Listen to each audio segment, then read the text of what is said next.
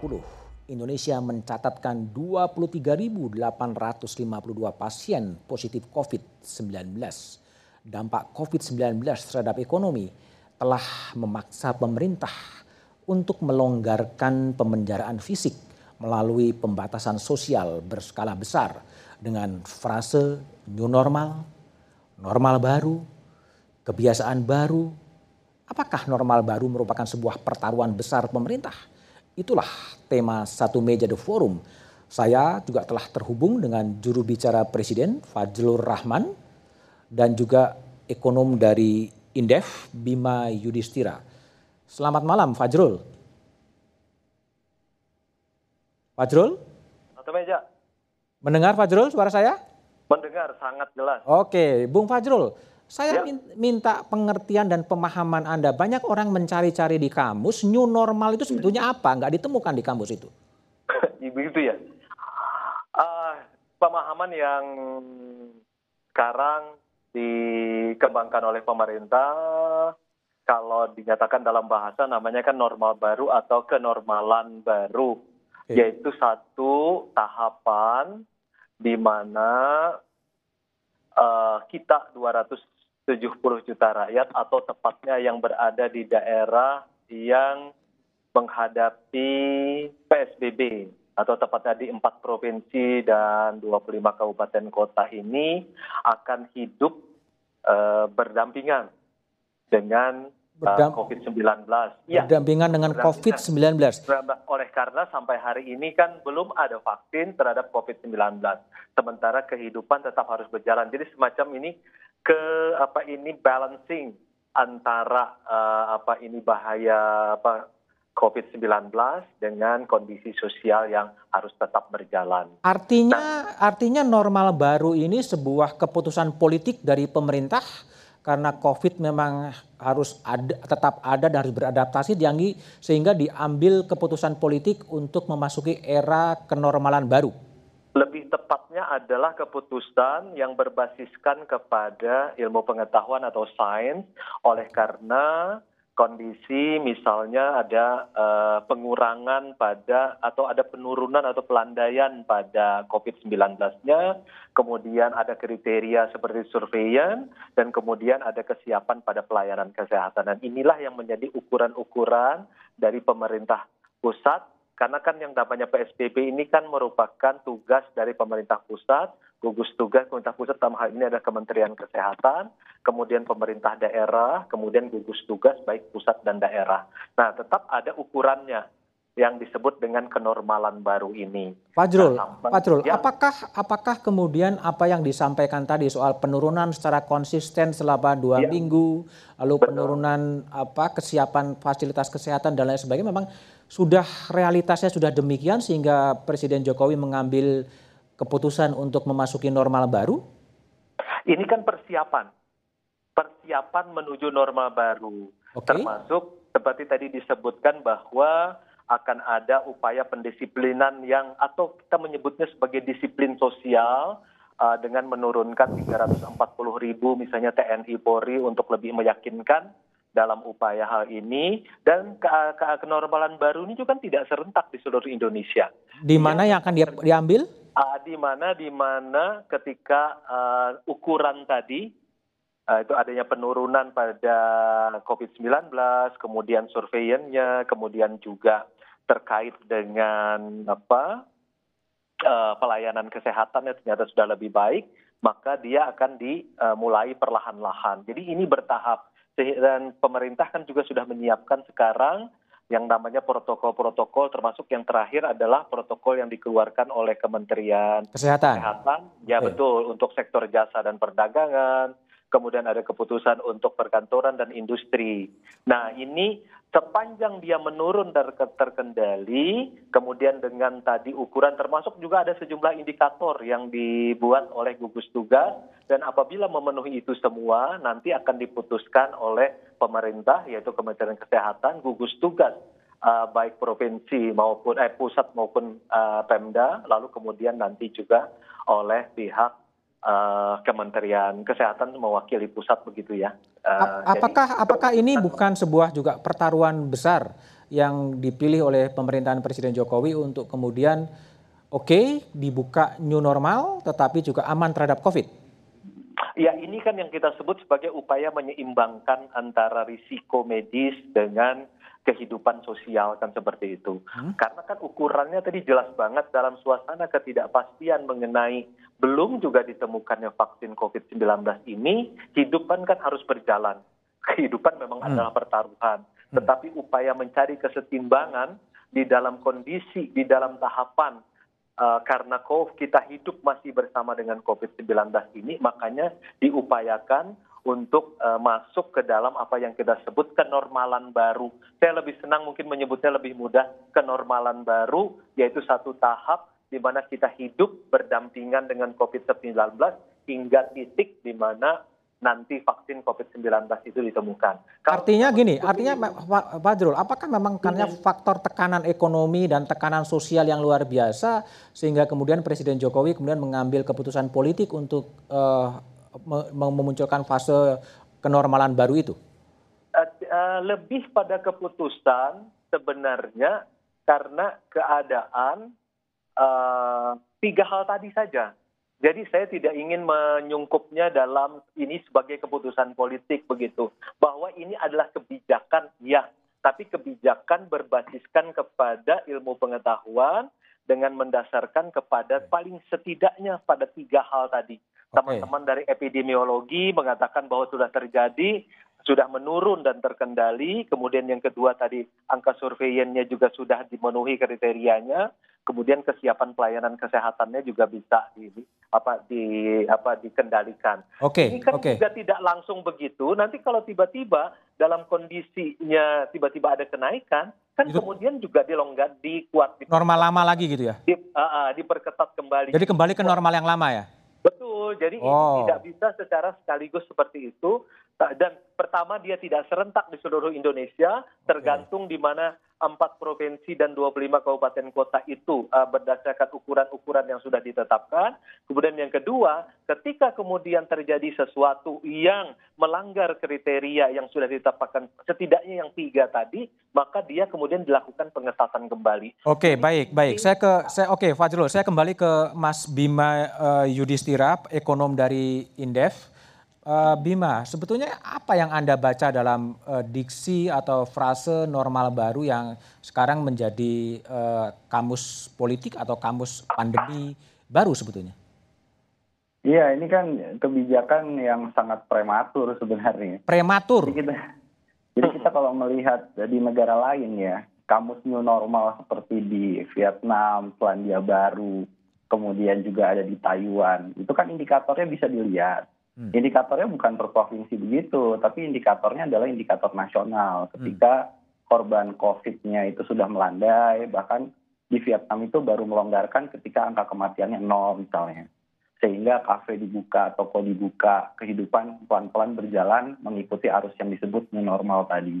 Nah kalau di Indonesia ini menurut saya sangat uh, prematur gitu ya, karena indikator kesehatannya nggak bisa dilihat cuma yang ada di PSBB, karena PSBB itu terbukti juga masih longgar di pekan kemarin. Masih banyak kemudian yang memaksa untuk mudik dan masih ada kemudian yang uh, di, diperbolehkan di tidak disiplin lah ya transportasi tidak disiplin gitu ya. Yang kedua, kalau kita bicara soal new normal, pemerintah nggak bisa cuman kemudian menghimbau, kemudian membuat surat edaran protokol kesehatan. Tapi yang saya khawatirkan kalau pemaksaan new normal ini tanpa kemudian dibantu sektor-sektor uh, UMKM atau sektor yang mikro, coba dibayangkan untuk protokol kesehatan saja, penyediaan APD, kemudian hand sanitizer dan peralatan kesehatan, bahkan UMKM dan warung kecil itu di mana mau jaga jarak? Orang lapaknya aja sangat kecil, ukuran 4 kali 4 meter misalnya, atau 2 kali 2 meter. Sehingga itu yang membuat nanti khawatirnya pemaksaan new normal okay. tanpa adanya subsidi APD yang jelas, protokol kesehatan yang dibantu bagi UMKM justru akan memperlebar kesenjangan. Memperlebar kesenjangan. Yang, ya. Jadi Bima, kalau memang karena kan pemerintah sudah memberikan ada ada protokol Menteri Kesehatan, ada protokol uh, apalagi yang mengarahkan bahwa memang harus bersiap menuju uh, era kenormalan baru. Tapi apakah memang betul Anda lihat bahwa sekarang tekanan ekonomi yang tadi membuat uh, Bima mengatakan kebijakannya terlalu cepat atau terlalu prematur, tapi jawabannya Bima setelah jeda berikut ini.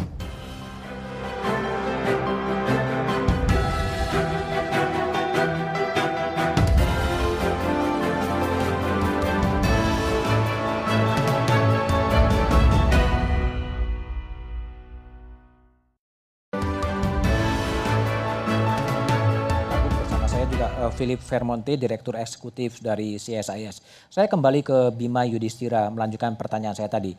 Bima, apakah kondisi ekonomi yang ada sekarang memang kemudian memaksa pemerintah Presiden Jokowi kemudian harus memasuki era kenormalan baru itu?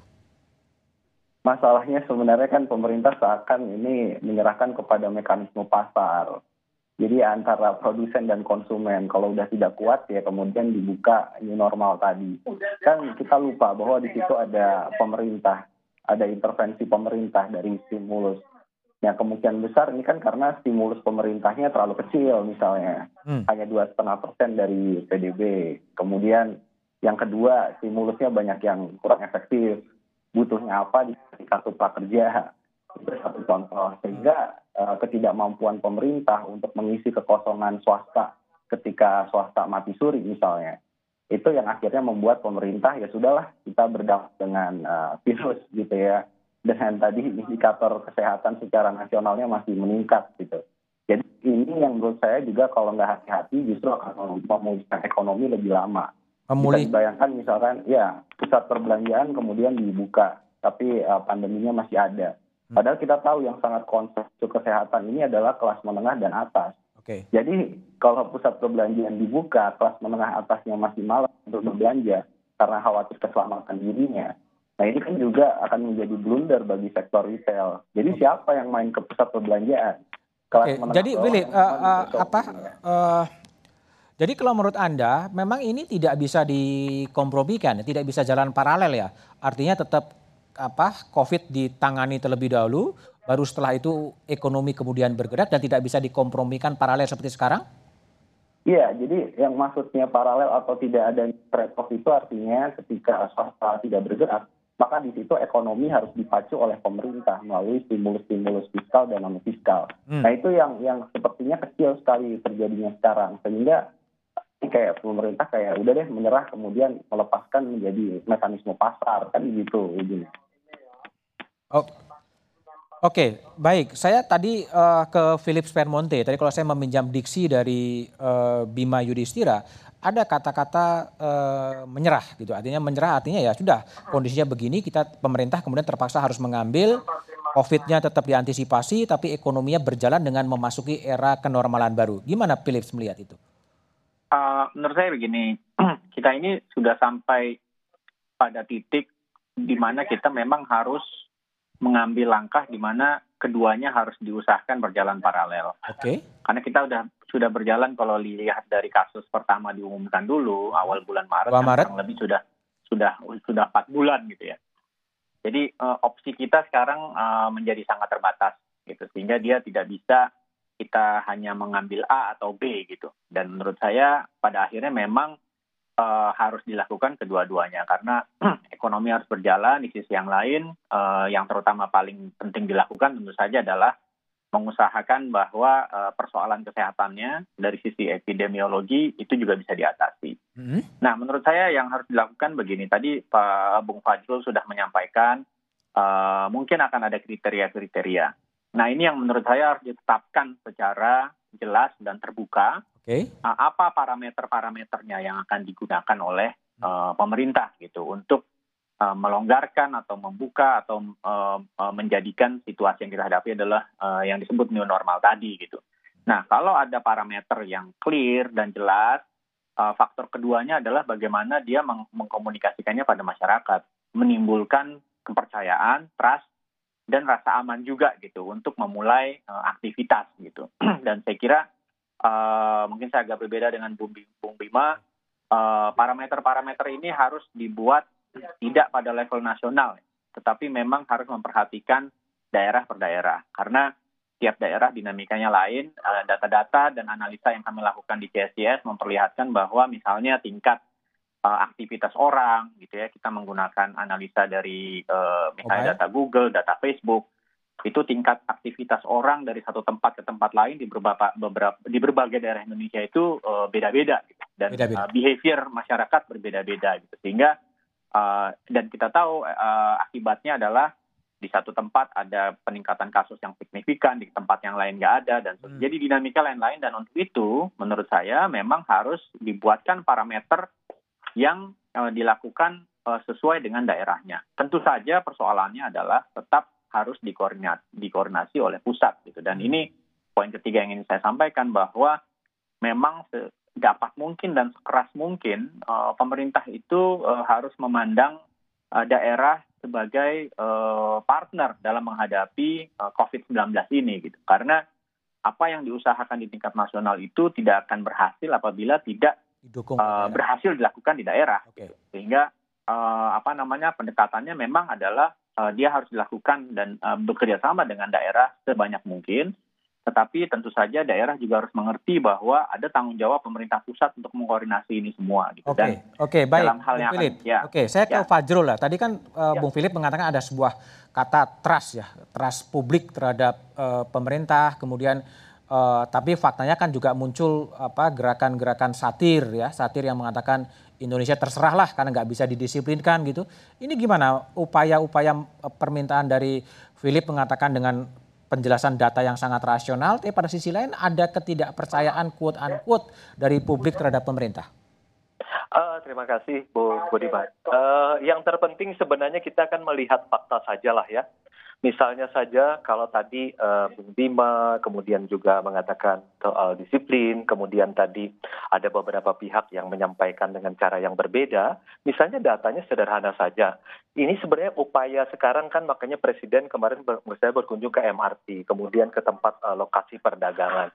Sebenarnya adalah upaya untuk menunjukkan bahwa sekarang masih PSBB, belum ada kebijakan untuk melonggarkan PSBB itu belum ada ini adalah persiapan menuju ke normalan baru. Yang diketahui sekarang tuh misalnya ada yang mengatakan apakah kita bisa menerapkan disiplin kepada para pemudik. Misalnya kami mendapatkan dari Kapolri bahwa sepanjang misalnya uh, 33 hari pelaksanaan operasi uh, yang dilakukan oleh Kapolri, 87.636 kendaraan itu disuruh diputar balik Okay. Artinya memang ada penegakan itu. Belum kemudian terjadi misalnya sampai hari ini juga kita semua agama gitu ya menjalankan ibadah dengan cara yang mematuhi apa yang dilakukan uh, dengan apa yang disarankan oleh pemerintah. Bahkan kemarin misalnya kita sholat id saja di rumah begitu. Nah jadi uh, kedisiplinan ini sudah ada dan tumbuh di dalam masyarakat. Artinya Fajrul, artinya memang ada. Fajrul kalau dari kacamata Anda disiplin itu sudah ada di masyarakat dan sekarang harus ditambah dengan pengerahan TNI dan polisi gitu ya? Iya, dalam upaya untuk uh, menegaskan bahwa disiplin sosial itu tetap kita perlukan oh. di dalam kondisi PSBB. Jadi dalam keadaan kenormalan baru nanti, kan tadi kan kita ingin menyatakan bahwa ada balancing lah antara risiko medis dengan keniscayaan ekonomi lah. Karena di sini banyak ekonom juga. Jadi bagaimana cara menciptakan kesetimbangan di antara risiko medis dengan keniscayaan ekonomi ini hmm. dengan terus memperhatikan semua kriteria tadi. Kalau tadi disebutkan keinginan kriteria sejak PSBB itu diterapkan sebenarnya ketika pemerintah menetapkan itu sebenarnya sudah keluar beragam apa protokol yang harus dijalankan. Baik ada pedoman-pedoman yang ya. diberikan oleh pemerintah maupun protokol-protokol kesehatan. Okay. Saya pikir itu lebih dari cukup sebenarnya. Oke, okay, uh, oke, okay, oke, okay, baik, Bung Fajrul. Saya kembali ke Bima Yudhistira. Bim, ya. jadi seandainya new normal ini kemudian dibuka, ya, dibuka, dilaksanakan dari wacana menjadi aksi, sejauh mana ini bisa menggerakkan perekonomian dan menolong perekonomian Indonesia saat ini? Gini ya, ini ini pertama tadi sedikit aja. Tadi uh, Mas Fajrul kemudian bilang uh, kedisiplinan sudah ada gitu. Ya. Jadi tahu saya uh, yang keluar pada waktu mudik ya itu masih 200 ribuan kendaraan. Koreksi kalau salah ya. Jadi kalau hanya 80 ribuan sekian yang kemudian diputar balik, sisanya ke mana? Kemudian yang kedua, bagaimana peristiwa di McDonald, Sarinah misalnya, ada farewell party itu, dendanya cuma berapa? 10 juta, juta. rupiah gitu kan. Terus yang ketiga, bagaimana kemudian nggak ada social distancing di Bandara Soekarno-Hatta gitu. Karena keputusan dari Kementerian Perhubungan juga ngalur ngidul gitu. Nah itu, jadi Dan itu, itu pertama kemudian dulu. diperbaiki Bung Bima. Itu Ya. diperbaiki. Oke, Ya, oke, jadi ya. ada beberapa kebocoran sama mungkin seperti Bung Bima. Saya, Ya, saya ya. malah yakin ya, Bung Bima tuh orangnya sangat disiplin loh. Hmm. Pasti tidak tidak berkumpul di tempat massa, ya kan? Oh iya, Sholat di Jumat. Anda termasuk oke. contoh yang terbaik sebenarnya untuk Oke, melakukan oke. disiplin. Dan kami Oke. berharap Bung Bima menjadi teladan bagi orang-orang di sekitarnya. Oke. Bahkan mungkin Oke, juga oke. membantu TNI Polri Oke. untuk mendisiplinkan Fajrul. Baik, baik, baik Fajrul. Ya. Saya saya Oke. kembali ke per- fokus pertanyaan Oke. saya kepada Bima. Oke. Sejauh mana Ya. ekonomi ini bisa bergerak ketika new norma kenormalan baru itu kemudian diterapkan? Iya, iya. Jadi yang pertama yang kita harus eh, pikirkan adalah kalau pemerintah memaksa melakukan new normal di tengah kondisi pandemi, Tidak Itu, ada pemaksaan. har- Enggak. Oh, ya, ya. Tidak ada Oke. pemaksaan. Biar biar dulu Fajrul. Iya. Ya. Sabar dulu sebentar Bang Fajrul ya, sebentar, santai. Jadi yang pertama kita harus lihat adalah bagaimana sektor yang paling lemah dalam perekonomian, yaitu sektor UMKM itu bisa mematuhi protokol kesehatan. Oke. Yang kedua, fakta bahwa hanya 13 persen UMKM yang memanfaatkan platform untuk jual beli. Ini kan sebenarnya kalau ada teori bilang bahwa new normal itu sudah ada bahkan ketika uh, virus itu masuk ke Wuhan yang diumumkan pertama kali. Banyak kemudian mereka yang berjualan secara online itu yang merasakan kenikmatan Oke. masih uh, kita melihat transaksi jual beli secara online. Tapi itu kan hanya 13 persen UMKM yang bisa melakukan itu. Sementara sisanya kan masih kesulitan. Nah ini uh, upaya dari pemerintah gimana? Karena kalau di Malaysia mereka nggak perlu bicara new normal new normal, mereka memberikan subsidi internet. Hmm. Salah satunya dirasakan bagi UMKM yang berjualan secara online. Jadi ini, jadi uh, saya setuju dengan Mas Philip tadi harus ada uh, parameter dan harus ada prasyarat. Jadi Hmm. bukan hanya himbauan harus ini harus itu, tapi juga pemerintah memberikan subsidi untuk mengarah kepada perbaikan ekonomi rakyat ya. Oke. Kemudian di era new normal yang paling menjadi bahaya adalah sekarang kan kita menghadapi krisis pangan gitu. Tapi kenapa yang yang dicek pertama kali itu pusat perbelanjaan gitu? Kenapa Oke, bukan baik, baik. Sawah gitu. Bung Bima, jadi eh, indikator ekonomi, indikator kesehatan dalam fase new normal telah dibahas. Kemudian bagaimana era kenormalan baru di bidang sosial dan eh, politik. Setelah jeda berikut ini, terima kasih kepada Bima Yudhistira yang telah bergabung dalam satu meja di forum. ya, sama-sama.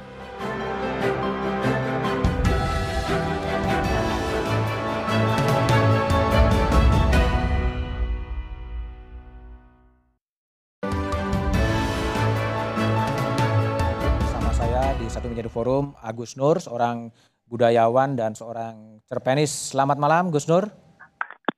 Selamat malam. Agus Nur, cu- cukup jelas ya suara saya ya?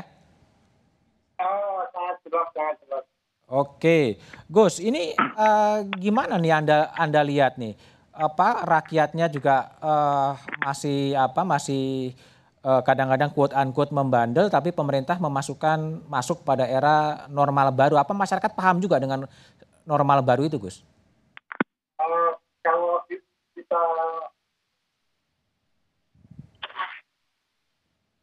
Cukup terdengar, Gus? Oke, sebentar, agak ter, apa komunikasi agak terganggu. Kembali kepada eh, Philips Permonte. Bung Philips, Bung Philips, jadi gimana nih kalau Anda lihat era normal baru tadi kan di sektor ekonomi, kalau di sektor sosial akan jadi seperti apa, Bung Philips?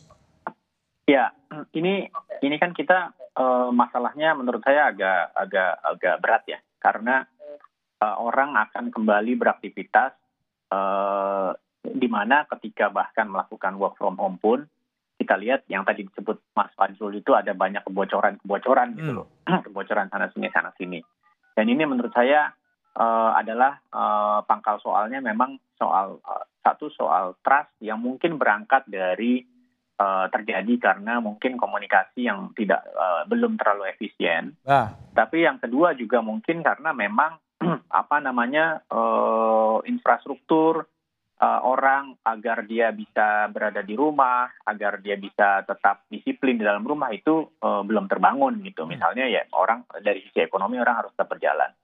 Tetapi yang yang yang menurut menurut saya agak membahagiakan sebetulnya ada kabar baik juga kalau kita lihat kabar berita-berita dari daerah uh, yang dikhawatirkan kemarin uh, Lebaran dan lain-lain itu masyarakat di rural area kita malah justru lebih disiplin gitu. Lebih disiplin mereka ya. Menja mereka bisa menjaga kampungnya dan lain-lain gitu. Dan ini sebetulnya uh, adalah kabar baik gitu.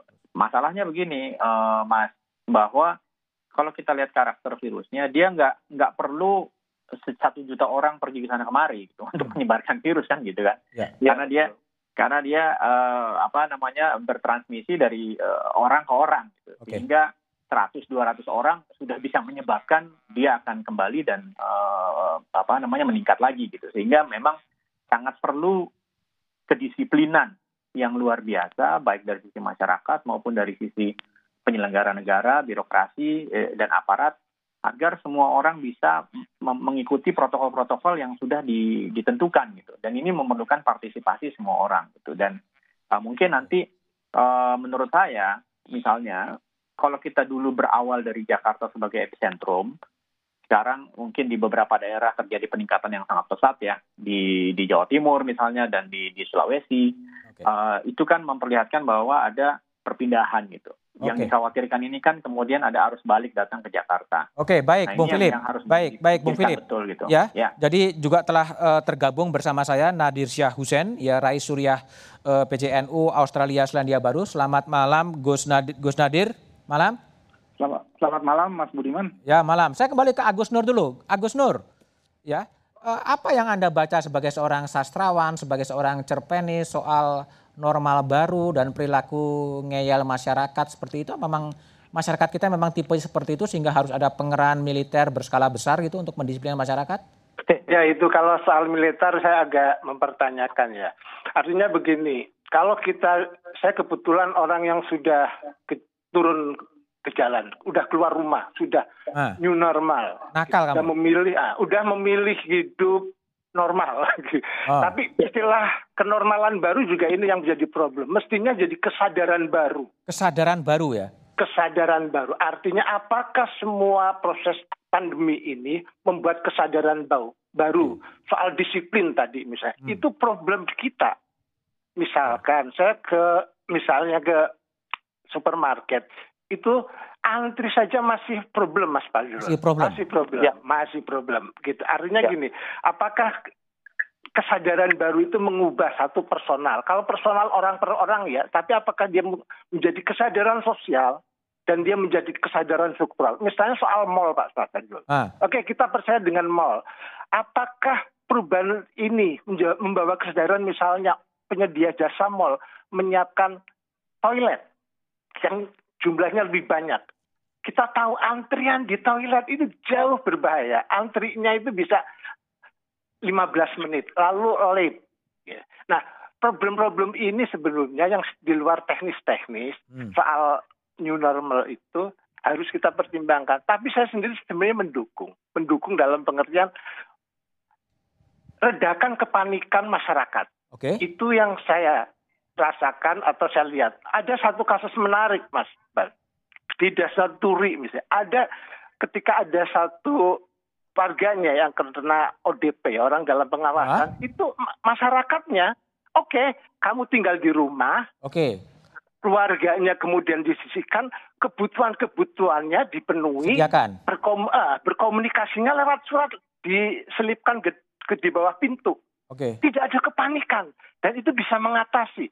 Problem hari ini adalah kepanikan-kepanikan sosial yang menurut saya tidak perlu. Nah, tugas pemerintah Mas Fazul saya kira di sana meredakan kepanikan satu dengan konsistensi, dengan sikap, dengan contoh tiga hal itu. Begitu kepanikan reda, orang punya kesadaran, oke okay, saya keluar atau enggak. Okay. Atau saya memilih keluar enggak. Saya orang yang sudah memilih keluar dalam pengertian ketika bertemu teman sepakat kita salaman atau enggak, kita duduknya jauh atau enggak, gitu. atau kita misalnya harus ngomong lewat masker atau tidak, kesepakatan-kesepakatan itu. Nah, itu toleransi dan segala macam. Tapi intinya Mas Fadil, untuk Mas Fadil mumpung ada kesempatan dengan Mas Fadil, adalah konsistensi dan upaya, konsistensi untuk mengupayakan redanya kepanikan Oke, sosial. baik. Itu kuncinya. Baik, Agus. Agus, saya beri kesempatan kepada Fajrul terlebih dahulu soal Ya. eh, apa meredakan kepanikan sosial. Tapi kadang-kadang kepanikan juga diproduksi oleh oleh pihak istana sendiri dengan komunikasi yang tidak bagus gitu. Gimana Anda lihat? Oke, terima kasih Budiman. Sebenarnya dalam kondisi yang kita sebut sebagai krisis kan memang ada tiga cirinya kan. Yang pertama dia kan datang secara tiba-tiba. Nggak pernah ada Oh. yang menyangka kan. Ya. Bahkan orang yang seperti WHO saja itu setelah tanggal 23 itu baru tanggal 31 20 setelah tanggal 20 Desember 2019 baru pada tanggal 31 Januari menetapkan sebagai uh, wabah. Lalu kemudian baru pada tanggal 10 Maret menyatakan sebagai pandemi. Bahkan mereka yang sudah bergaul dengan dunia kesehatan itu saja menghadapi situasi yang demikian. Oke. Uh, belum lagi di Wuhan sekarang udah mulai muncul lagi misalnya seperti itu. Nah, pada intinya sebenarnya saya setuju dengan Mas Agus. Sebenarnya kenormalan baru atau new normal itu mestinya menghasilkan perjanjian baru. Perjanjian Yaitu- baru ya. Waduh. Betul, new deal. Jadi New ada deal. new normal. Oke. Nah, di dalam new normal itu kan ada new new deal kan seperti itu. Contoh saja, kondisi misalnya sadar tidak kalau kita masuk ke bandara, kita masih tetap melepas gesper, melepas jaket, me- kemudian juga eh, melepas apa ha- apa apa tuh notebook kita dikeluarkan. Itu sebenarnya terjadi setelah kapan? Itu 9/11 loh. Oke. Itu sekarang itu sekarang menjadi normal itu. Oke. Padahal dulu itu tidak terjadi. Kesadaran Nah, baru ya. Ah, Oke. benar menurut Agus. Itu menjadi kesadaran baru sehingga orang tidak sadar lagi bahwa sebenarnya Ya. gesper dilepas, jaket dilepas, notebook dibuka itu setelah 9/11 atau itu berapa tahun yang lalu. Jadi itu kan sebenarnya new normal menjadi new deal kan seperti itu. Di dalam titik itu memang harus ada yang namanya kesadaran. Tapi mengutip Bung Karno, Bung Agus, Oke. Sampai kapan Indonesia merdeka? Kalau kita menunggu semuanya sadar kan agak sulit kita menghadapi seperti Oke, baik, baik, Bung Fajrul. Saya akan berikan kesempatan kepada eh, Nadir Syah Hussein sebagai Rais Syuriah PCNU Australia Selandia Baru. Eh, Gus Nadir, tadi kan apa Agus mengatakan soal mall dan lain sebagainya. Tapi kalau dari sisi spiritualitas, ya tempat-tempat ibadah juga akan dinormal barukan gitu. Kira-kira gimana nih implementasi penormalan baru atau kesadaran baru di tempat-tempat ibadah menurut refleksi Gus Nadir seperti apa ya? Iya Mas Budiman, Eh, saya kira eh, sejak awal ini menjadi persoalan Hmm? ketika eh, tempat-tempat ibadah eh, itu ditutup, Oke. tapi eh, pasar dan mall eh, dibuka. Hmm. Nah, eh, padahal yang jadi persoalan kan ada kerumunan, Hmm. bukan persoalan lokasi. Jadi kerumunan itu ketika di tempat ibadah atau di pasar atau di kantor atau di pabrik, ya dia merupakan kerumunan dan di sana potensi penularan bisa terjadi. Hmm. Nah, eh, saya kira eh, kita menghadapi persoalan besar ketika kemudian eh, saya ambil contoh pesantren misalnya, ada ada sekitar eh, 20 juta santri di tanah air dengan sekitar 30 ribu pesantren dan seperti kata Mas Philip tadi bahwa ternyata juga di sejumlah daerah juga berbeda-beda. Pesantren juga seperti itu, tidak semuanya sama, tidak semuanya memiliki kapasitas yang sama, eh, fasilitas yang sama untuk melaksanakan apa yang disebut dengan eh, new normal ini. Nah, eh, karena itu memang eh, akan menjadi persoalan besar, eh, bukan hanya persoalan masjid mata, tapi juga madrasah-madrasah, pesantren. Eh, itu juga menjadi eh, keprihatinan kita kalau kemudian ini diberlakukan secara terburu-buru tanpa parameter yang jelas dan juga eh, tanpa eh, konsultasi dengan eh, eh, tokoh adat, eh, budayawan ataupun para eh, ulama, Mas Budiman. Oke, Gus Nadir, ini pertanyaan juga yang kadang muncul ya. Ini kan publik ini kan seperti terbelah ya. Ada yang sangat percaya kepada sains gitu. Kemudian oke lah kerumunan bisa berpotensi penularan. Tapi ada juga yang tidak percaya kepada sains dan udah tetap akan eh, beribadah total lah apa pun yang terjadi. Gimana Anda menjelaskan fenomena fenomena kemasyarakatan seperti sekarang ini? Dan ini fenomena yang terjadi di semua agama dan di seluruh dunia. Jadi ada yang memandang eh, masalah ibadah itu sesuatu yang sangat personal Oke. dan tidak bisa diintervensi oleh negara sekalipun. Hmm. Tapi ada juga yang memandang bahwa persoalan dengan eh, ibadah dengan Tuhan ini bukan semata-mata soal ibadah, bukan untuk kepentingan kita, eh, kepentingan eh, Tuhan. Tuhan tidak membutuhkan ibadah kita sebenarnya, tapi kita sendiri yang membutuhkan ibadah itu. Nah, dua cara pandang yang berbeda ini akhirnya menyebabkan satu pihak menganggap bahwa ini ada persoalan keimanan, tes keimanan uh, untuk terus uh, mendatangi uh, rumah ibadah apa pun yang terjadi. Sementara di sisi lain ada juga yang menganggap bahwa ini bukan tes keimanan, bahwa justru Tuhan menghendaki kita untuk hidup nyaman hmm. dan aman, hmm. damai, baru kita bisa beribadah uh, dengan baik kepada Tuhan. Oke. Okay. Nah, cara pandang ini uh, di seluruh agama terjadi, di seluruh terjadi. dunia terjadi, Mas Budiman. Oke, Gus Nadir, kalau lihat masa pandemi ya, kan itu kan sukarelawan solidaritas masyarakat lintas agama kemudian juga apa terjadi ya, terjadi dan sangat bagus. Apakah ini juga menandakan bahwa pandemi ini semakin menyadarkan solidaritas sosial lintas agama yang sedang terjadi? Saya kira itu benar, Mas Budiman. Ini mungkin salah satu uh, hikmah dari uh, krisis yang kita alami, hmm? bahwa solidaritas uh, sosial uh, dan juga uh, kerjasama antar pemeluk agama menjadi sangat uh, kuat dan uh, kita dan semua pemeluk agama mengalami ini dari hari raya Nyepi, uh, hari raya Pasca, kemarin le, uh, Lebaran. Ini ini semua mengalami persoalan yang yang mirip dan tidak ada jalan lain selain kemudian kita melupakan perdebatan teologis uh, menuju kepada uh, sisi-sisi kemanusiaan.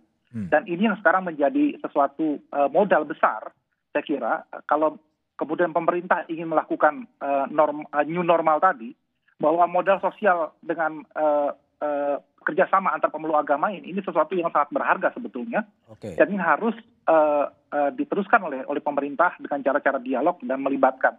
Yang ini yang menjadi persoalan. Saya merasa bahwa tokoh-tokoh agama uh, ini kurang dilibatkan, Mas Fajrul. Kurang dilibatkan. Uh, ya, baik. Kurang dilibatkan dalam dan uh, hanya hanya hanya dibutuhkan ketika terjadi persoalan. Okay. saat krisis ketika okay. terjadi persoalan komunikasi soal mudik kemarin misalnya. Tetapi sedari awal uh, itu tidak di, tidak dilibatkan oleh oleh oleh pemerintah uh, untuk uh, untuk didengarkan pandangan-pandangan mereka. Apalagi uh, tidak semua uh, uh, pesantren agama madrasah itu punya punya kapasitas yang sama. Baik Gus Nadir baik baik baik. Jadi uh, nanti Fadrul akan coba merespon uh, masukan dari Nadir Syah Hussein bahwa tokoh-tokoh agama uh, tidak sepenuhnya dilibatkan. Penjelasannya seperti apa, tapi setelah jeda berikut ini.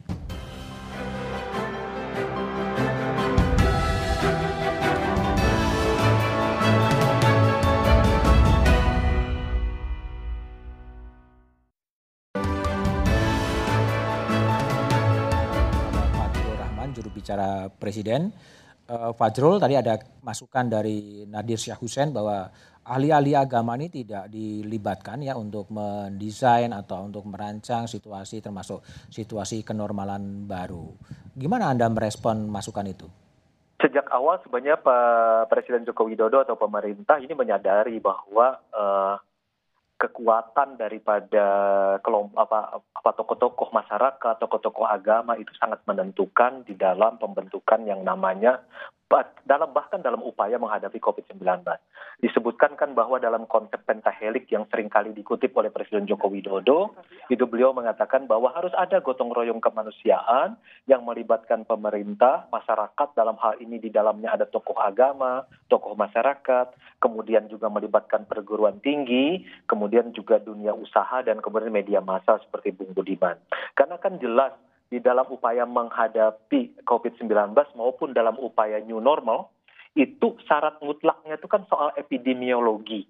Karena itu tidak mungkin tidak berurusan dengan sains dan tidak mungkin tidak berurusan dengan apa dalam kaitan dengan uh, apa uh, kelompok yang namanya perguruan tinggi begitu. Kemudian dalam masyarakat kita sama-sama tahu di Indonesia bahwa hubungan masyarakat itu akan lebih banyak terkait dengan simpul-simpul yang seperti agama. tadi tokoh agama atau tokoh yeah. masyarakat yang seperti itu. Jadi Bung Budiman sekali lagi saya setuju nih dengan pernyataan ini, kesadaran itu memang harus muncul.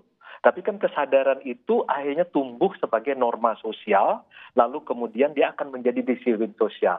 Dan saya ingin menambah kepada Bung Agus, dalam hal masuknya 340 ribu TNI dan Polri ini, kalau dalam simulasinya itu ada dalam upaya untuk mengingatkan, dalam upaya uh, ikut dalam disiplin sosial protokol kesehatan. Berskala besar, oke. Okay. Ya, ya betul Norma sosial itu protokol kesehatan yang sudah terjadi di masa COVID-19 dan di dalam nanti kenormalan baru itu yang menjadi sebenarnya disiplin sosial itu norma-norma sosial baru sebenarnya. Oke, baik, baik Bung Fajrul.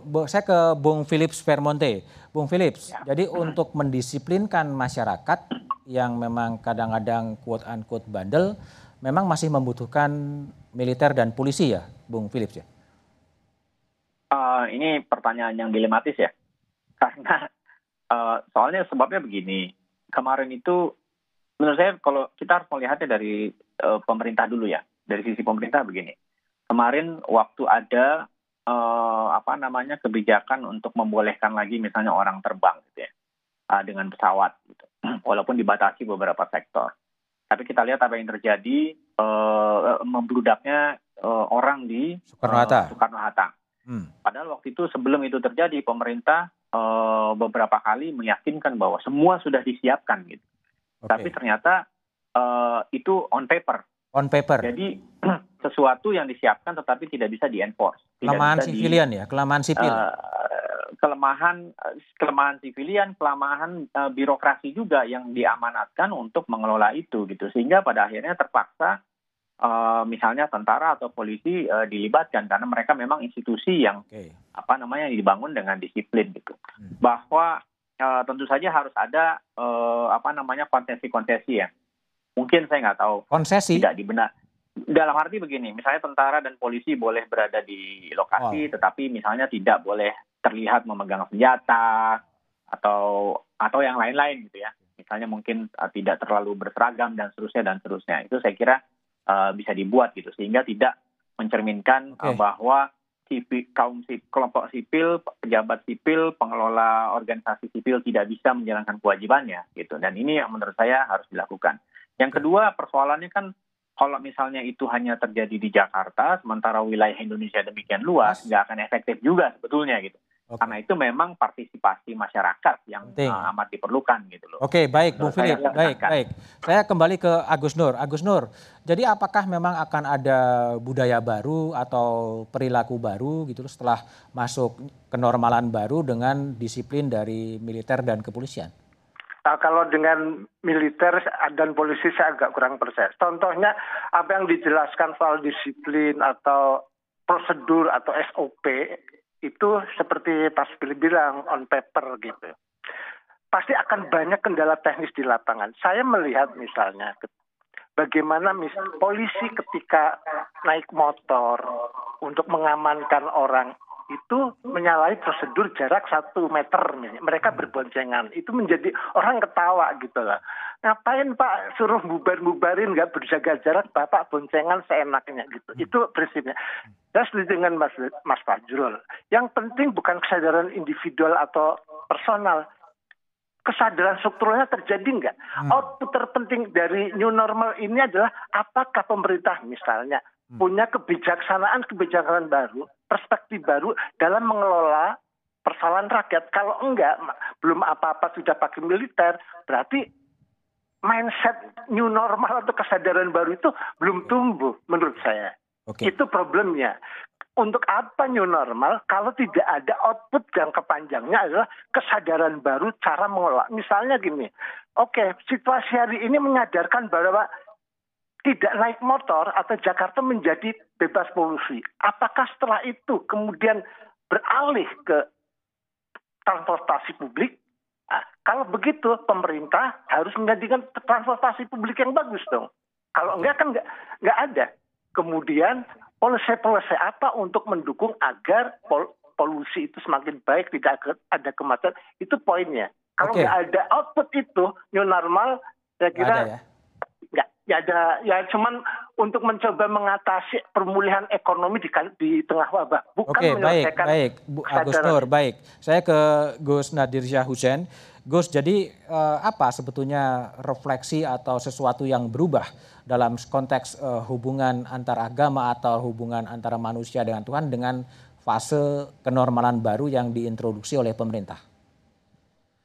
Ya, saya kira uh, cara kita memandang persoalan menjadi seharusnya lebih uh, lebih kompleks. Uh, saya ingin memberi contoh uh, diskusi yang baru saja tadi soal uh, peranan militer dengan Polri. Kita lihat kan dengan dengan institusi keagamaan misalnya.